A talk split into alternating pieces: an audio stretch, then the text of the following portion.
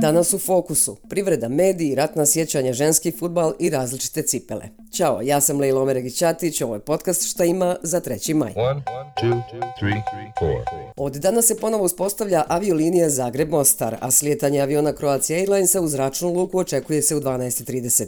Juče je u tom gradu otvoren međunarodni sajam privrede uz brojne zvaničnike zemalja regiona i poruke za jedinstvo u privrednom napretku. Gradonačelnik Mostara Mario Kordić je govoreći o mjerama za poboljšanje privrednog razvoja naglasio upravo važnost povezivanja. Treći segment koji nam je bio jako važan jest prometna povezanost, a kao posebno pokretanje zračnog prometa. Mostar je danas putem zračne luke Zagreb povezan s ostatkom Evrope i svijeta.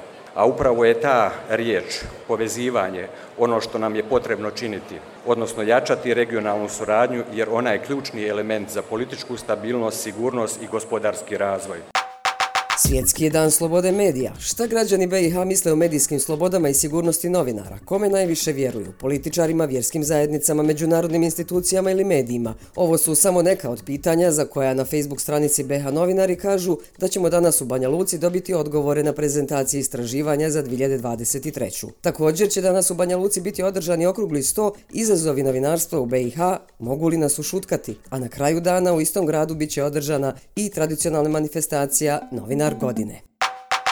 Danas će biti obilježena 31. godišnjica od incidenta u Dobrovoljačkoj ulici u Sarajevu, danas je to ulica Hamdije Kreševljakovića. U 10 sati je najavljeno davanje počasti stradalim pripadnicima bivše armije Republike BiH, a potom će u 10 sati i 40 minuta delegacija iz Republike Srpske na istom mjestu odati počast vojnicima bivše Jugoslovenske narodne armije koji su ubijeni 3. maja 1992. Tada je trebala biti izvršena razmjena vojnika JNA iz Kasarne Bistrik u zamjenu za predsjednika tadašnjeg predsjedništva Aliju Izetbegovića, koji je dan ranije ranije JNA zarobila na aerodromu. Došlo je do incidenta između vojnika JNA i pripadnika tadašnje teritorijalne odbrane BiH.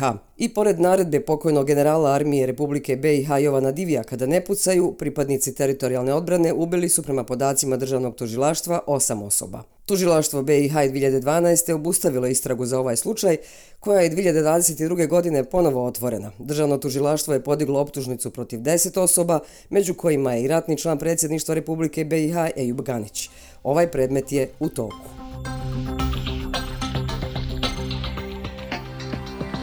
FIFA prijeti zamrečenjem prenosa svjetskog prvenstva za žene u Evropi, piše The Guardian. Predsjednik FIFA, Gianni Infantino, upozorio je na to, osim ako emiteri ne poboljšaju svoje ponude za prava. Govoreći na sastanku Svjetske trgovinske organizacije u Ženevi, Infantino je rekao da su ponude velikih pet zemalja, Britanije, Španije, Italije, Njemačke i Francuske, bile toliko niske u poređenju sa muškim prvenstvom da su šamaru lice igračicama i svim ženama širom svijeta. Svjetsko prvenstvo u futbalu za žene počinje u Australiji na Novom Zelandu 20. jula. Three, A bilo bi baš super da ovaj dan počnemo tako što ćemo izaći iz kuće u različitim cipelama, jer danas je taj dan. Dan različitih boja cipela, koji se obilježava svakog 3. maja i podstiče ljepotu ljudske raznolikosti. Pokrenula ga je američka pedagogica Arlene Kaiser u slavu različitosti među ljudima. Ranih 80-ih ona je dva ili tri puta sedmično nosila cipele različitih boja, što je tada bio dio jednog njenog predavanja, a ljudi su ubrzo počeli da prihvataju njen jedinstven način koračanja kroz život. Kaiser vjeruje da bi svako trebao slaviti svoju jedinstvenu ličnost i koračati svojim hodom. Dan cipela u dvije različite boje obilježava se svake godine od 2009. Pa evo ne znam, možda se i ja danas usudim za početak izaći barem s dvije različite pertle. I to bi bilo sve za danas, čekam vas sutra na istom mjestu.